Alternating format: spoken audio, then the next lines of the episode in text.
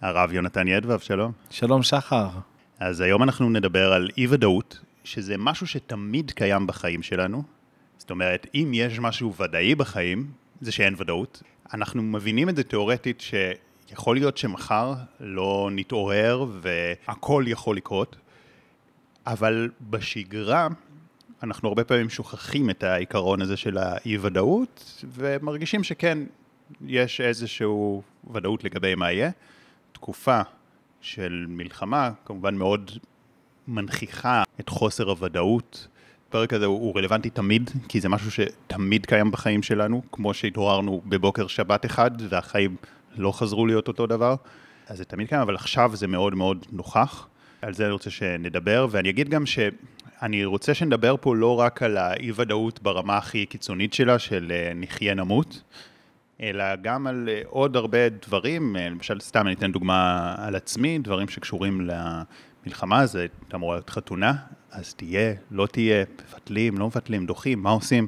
היינו אמורים לטוס לכמה חודשים, אז פתאום זה עולה שאלה, רגע, בזמן מלחמה אפשר לעזוב את הארץ? זה כאילו לא...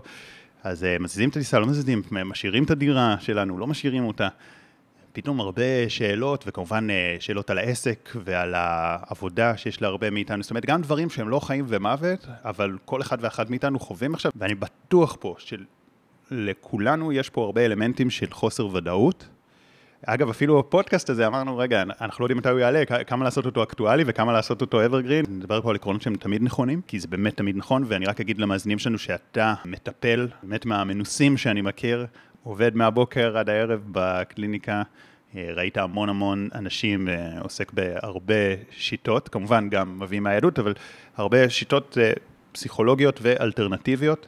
ודיברנו על זה גם שחוסר ודאות זה איזה שורש גם לחרדות, לטראומות, להמון המון דברים. אם אנחנו יודעים להכיל את זה, הרבה דברים נפתרים. ממש, ממש. להקשיב לך זה כבר מספיק, אתה אומר את כל הדברים הנכונים. שהאי-ודאות הוא בעצם השורש אגב, לא רק לטראומה וחרדות, גם לדיכאון, גם לחוסר הערכה, גם לבעיות בין, אה, בין אנשים, כי כשאני יכול להיות בתחושת אי-ודאות, זה אומר שיש לי ענווה, וזה אומר שהעולם לא הצליח לעבוד עליי. כי מה התפקיד של העולם? התפקיד של העולם העלם. העולם מעלים ממני את זה שהדברים פה הם סופיים. למה שלמה המלך אמר, אה, טוב ללכת לבית האבל, מבית המשתה. למה? כי בבית האבל אתה יכול לראות גם את האמת של העולם. כשאתה שומע על אדם שלפני דקה היה כאן, ופעל בעוצמות בעולם, ועכשיו הוא לא כאן. זאת אומרת, מה אתה מבין? אתה מבין שהעולם הזה הוא זמני. אחת העבודות שלנו היא לקחת את האינסופיות שבנו, בנשמה, כי הנשמה לעולם לא נעלמת, ולהכניס את זה לתוך העולם הסופי, ואז האי-ודאות פחות משפיעה עליי, אם בכלל. אפשר להגיע לדרגות, יצא לנו בפודקאסטים הקודמים לדבר קצת על אנשים שהגיעו לדרגות האלה. הרי אפשר לראות גם אצלנו בעם, יש אנשים חרדתיים מאוד, יש חרדתיים, ויש אנשים אה, קצת חוששים, ויש אנשים שבכלל לא, נכון? זה, זה קשת. אז אתה ישר מתחיל איתי פה מהנקודה אולי הכי עמוקה, שאתה אומר, כל ההקדמה שעשיתי על זה שאין ודאות ואי אפשר לדעת כלום, אתה אומר, יש דבר אחד שכן, יש בו ודאות. כן. הדבר הוודאי הוא זה שאנחנו קיימים ויש בורא שברא אותנו, אפשר להתווכח על אה, הערות אה, לוגיות ודברים כאלה ואחרים, אבל תחושת הקיימות שלי בנתינה ובהוויה שלי וברצון שלי להיטיב, רצון שלי שלכולם יהיה טוב, ברצון שלי ש... של האינסופיות הזאת. הרי מה זה חרדה? חרדה זה פחד שהכל ייעלם, אבל שום דבר לא נעלם. יש משהו אינסופי? בעצם הכל הוא אינסופי. הכל כולל הכל הוא אינסופי, וזה אחד הדמיונות הכי גדולים שלנו, שבעצם הכל נקטע ונעלם, וזה לא נכון. הרי אם הכל היה נקטע ונעלם, היינו חיים חיים אחרת. חיים בלי ערכים. אבל בגלל שאנחנו כל כך אינסופיים וכל כך נשמתיים וכל כך כולנו מלאים במקום הזה, שאנחנו רוצים שהכל יהיה בלתי מוגבל, זה העצמות כן. שלנו. אתה יודע, חשבתי שנדבר על פסיכולוגיה, אבל אני רואה שאנחנו מתחילים ללכת לכיוון הרוחני, אבל זה אולי מה שצריך ללכת בפרק הזה. אז מה בעצם אתה אומר? שהרצוי צריך להיות קשור בעצמות של האינסוף. זאת אומרת, במילים אחרות, אם אני אדם שעוסק בנתינה, הרצוי שלי הוא פחות עצמי ואגואיסטי. כן. זאת אומרת, המטרות שלך, או אני לא יודע אם מטרות זה המילה, אבל הדבר שאליו אתה שואף, שבו אתה שם את uh, יהבך, הוא משהו שהוא לא ניתן לקחת לך אותו. בדיוק. והוא לא מדומיין. כי להיות כל היום מול המסך זה להיות מדומיין. אולי דווקא להפך, לא, הוא לא ממשי, זאת אומרת, כי משהו פיזי תמיד אפשר לקחת לך. כן, זה לא סותר, כי המשהו הלא ממשי יכול להיות גם משהו אמיתי. זאת אומרת, זה לשים את uh, יהבנו ושאיפותינו במשהו שהוא ערך ולא תוצאה. כן, במשהו שהוא יוצא מהדמיון הרגעי. כי הרי מה, מה, מה קרה פה לכולם? בעצם הכיף שלי, סתם ללכת לטייל עכשיו בפארק, והכל נקטע. אני לא יודע מה יהיה מחר, איך אמרת? אנחנו לא יודעים לקום, אני לא יודע מה יהיה איתי. אני לא יודע, אני, אתה אומר חתונה, לעבור דירה, לטוס, אני לא יודע שום דבר. אבל זה בעצם מה שהעולם בא ללמד אותי. שאני חלק ממערכת, זה לא אומר שאני לא צריך ליהנות, פה כדאי אולי להדגיש את זה. חשוב שהאדם ייהנה. חשוב. זה קריטי שהאדם יעשה דברים שהוא נהנה מהם וכיף לו, ועושים לו נעים וטוב, אבל לא רק רגעיים, כי כגודל העיסוק ברגע, ככה גודל החרדה והפחד מהאי-ודאות. כגודל היכולת לשאת משהו עוצמתי ועילאי יותר וכללי יותר. הרי אם נסתכל על כל דמויות עם ישראל, אפילו מהמלחמה הזאת, הדמויות שהייתה בהן הגבורה והעוז להתמודד, זה אותם אנשים שחיו את הכלל בכל רגע ורגע. כן, יש פה נקודה של הבחנה מאוד מאוד דקה. אה, הבחנה שצריך לעשות אותה מאוד מדויקת, כי היא יכולה להיות מאוד מבלבלת. כי אתה אומר, מצד אחד, ככל שבן אדם עסוק כאילו ברגעי, אז יש לו יותר חוסר ודאות, זאת אומרת, הוא יותר עסוק בגשמי.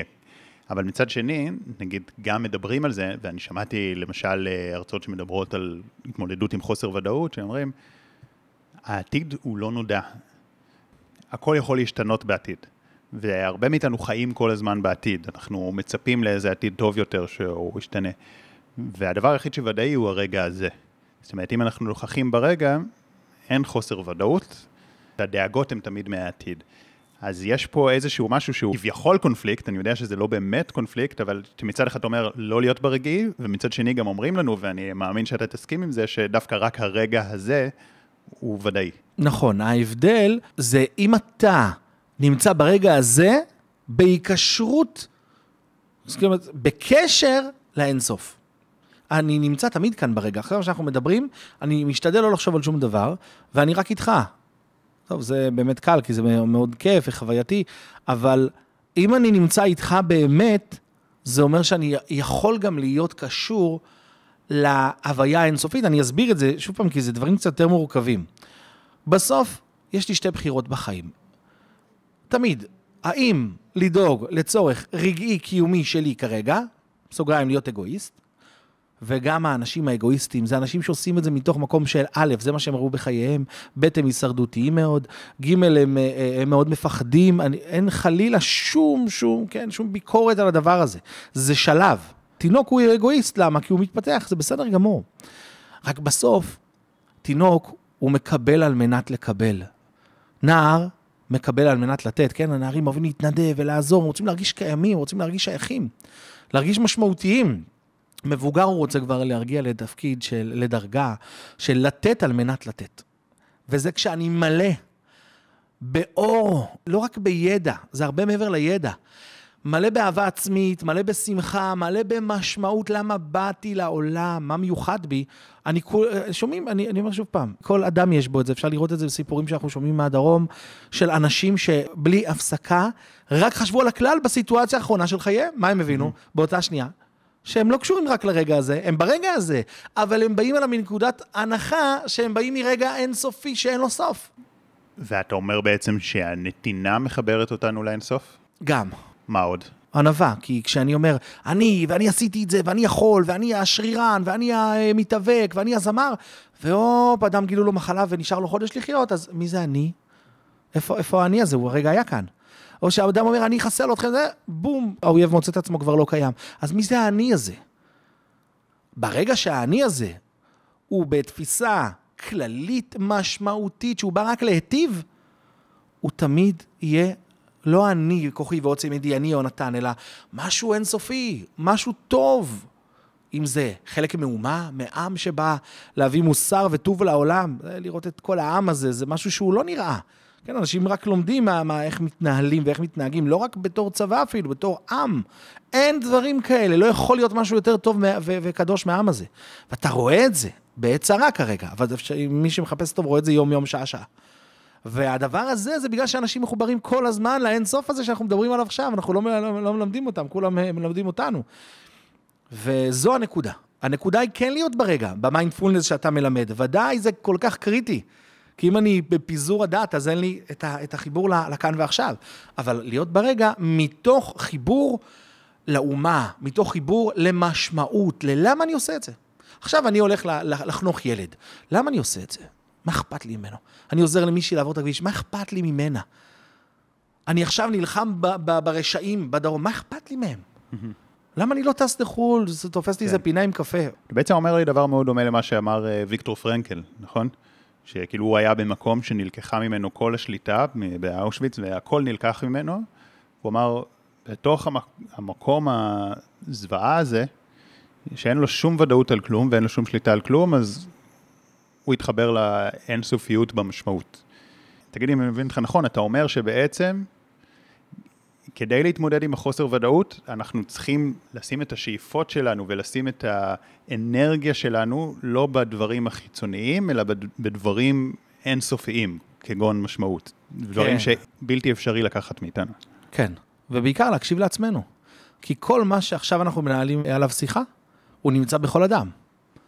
זה קול פנימי, שאין אדם שלא שומע אותו, לא יכול להיות אדם שלא שומע אותו. יש אדם כרגע שנמצא בסיטואציה שהוא לא יכול לשמוע אותו. אבל כל הזמן, המקום הפנימי הזה צועק לי, מה נכון לעשות, מה טוב לי. והחיבור לנקודה הזאת, הוא החיבור לדבר הזה.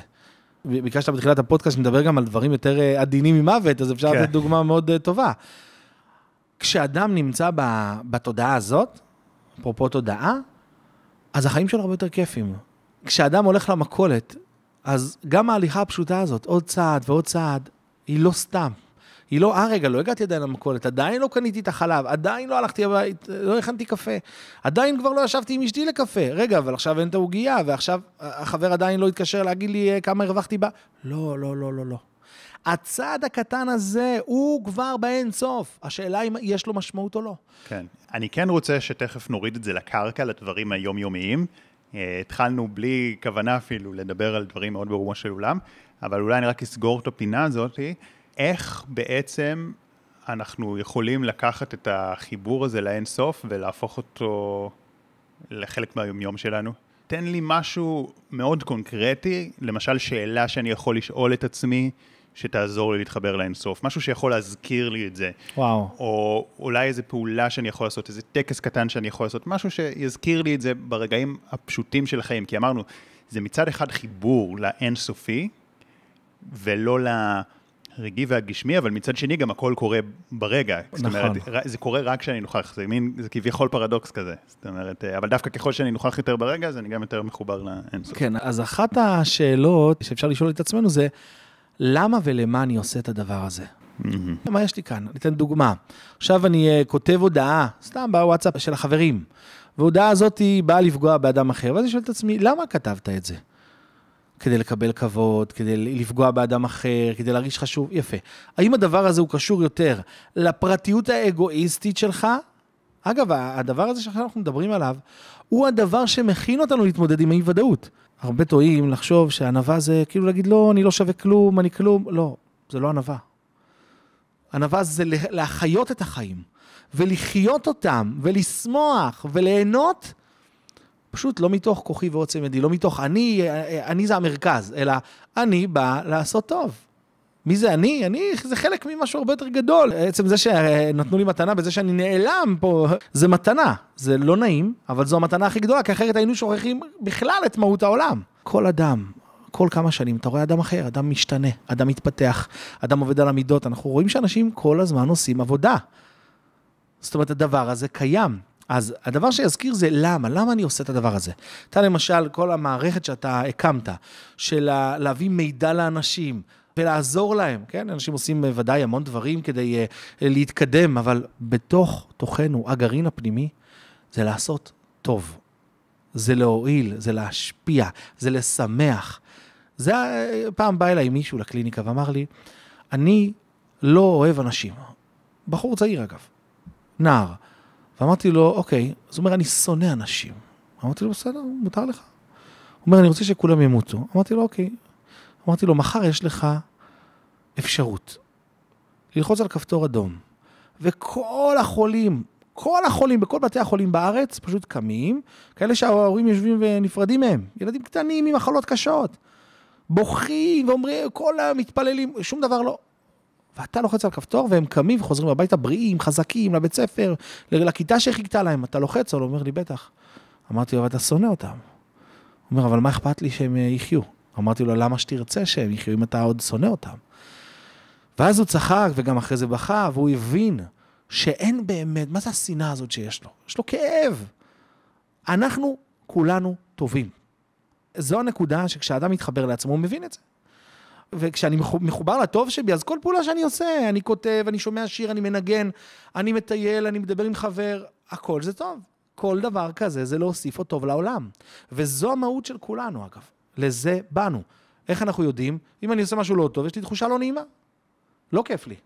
ובעצם, כשאתה מחפש את הטוב הזה, למה אתה פחות חווה אי-ודאות? כי זה הנושא שלנו בסופו של דבר. ואמרת את כל זה בהקשר של להתמודד עם אי-ודאות. אי-ודאות היא מגיעה ממקום פרטי. אם היא מגיעה ממקום אגואיסטי.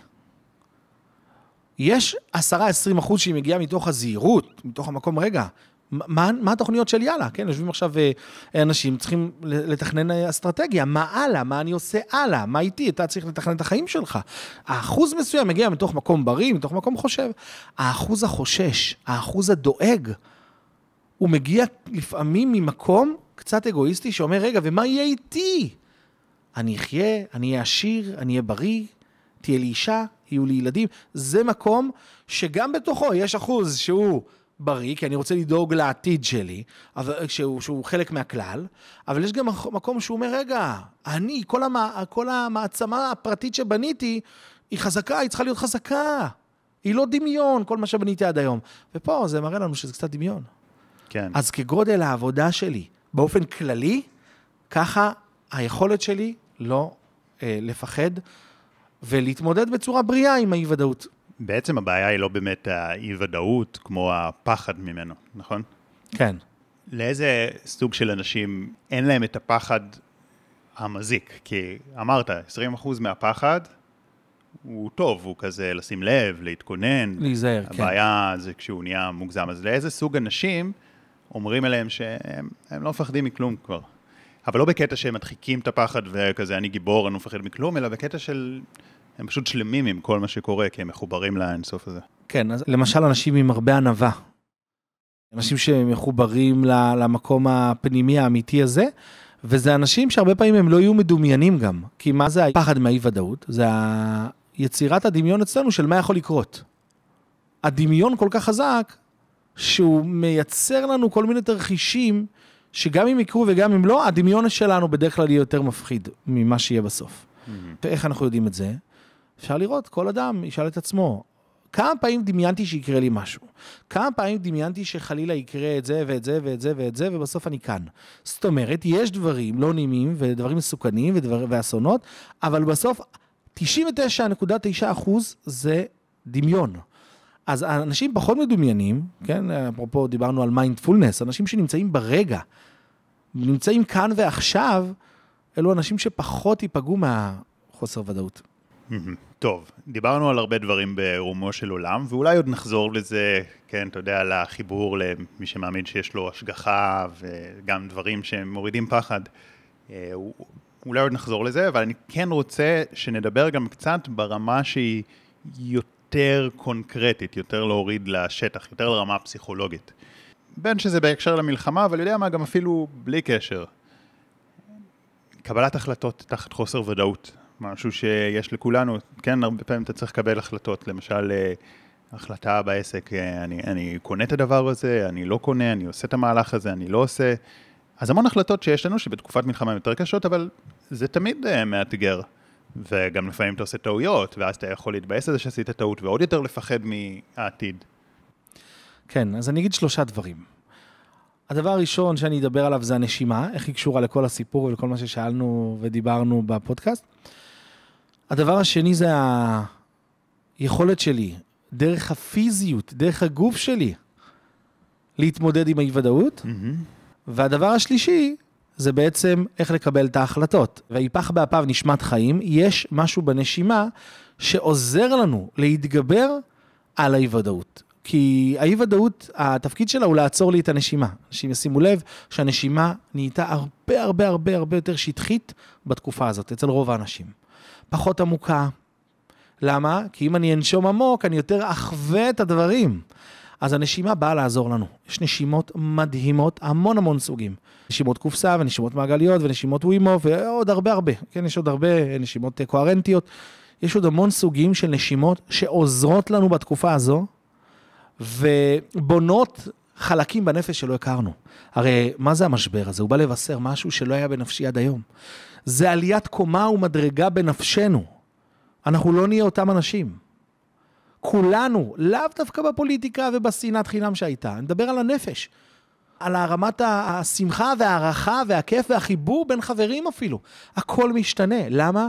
כי כל דבר כזה, כל זעזוע כזה, הוא מחזק. זה בדבר הזה, בנושא הנשימה, יש עוד המון מה להרחיב, יש המון תרגילים מדהימים שאפשר לקשר אותם לתקופה, ורק בשביל זה שווה לעשות אה, איזושהי שיחה על הדבר הזה. דבר שני שאני רוצה להגיד זה על ה... לגבי הגוף, כי זה מתקשר לשאלה ששאלת על ההחלטות. הגוף שלנו, וגם כל אדם ישים לב על, אה, על גופו, בתקופה הזאת, למד את התקופה, הוא למד את האירועים, מיום ליום. מאלה שהצליחו לישון קיבלו את זה יותר מהר, ברוך השם.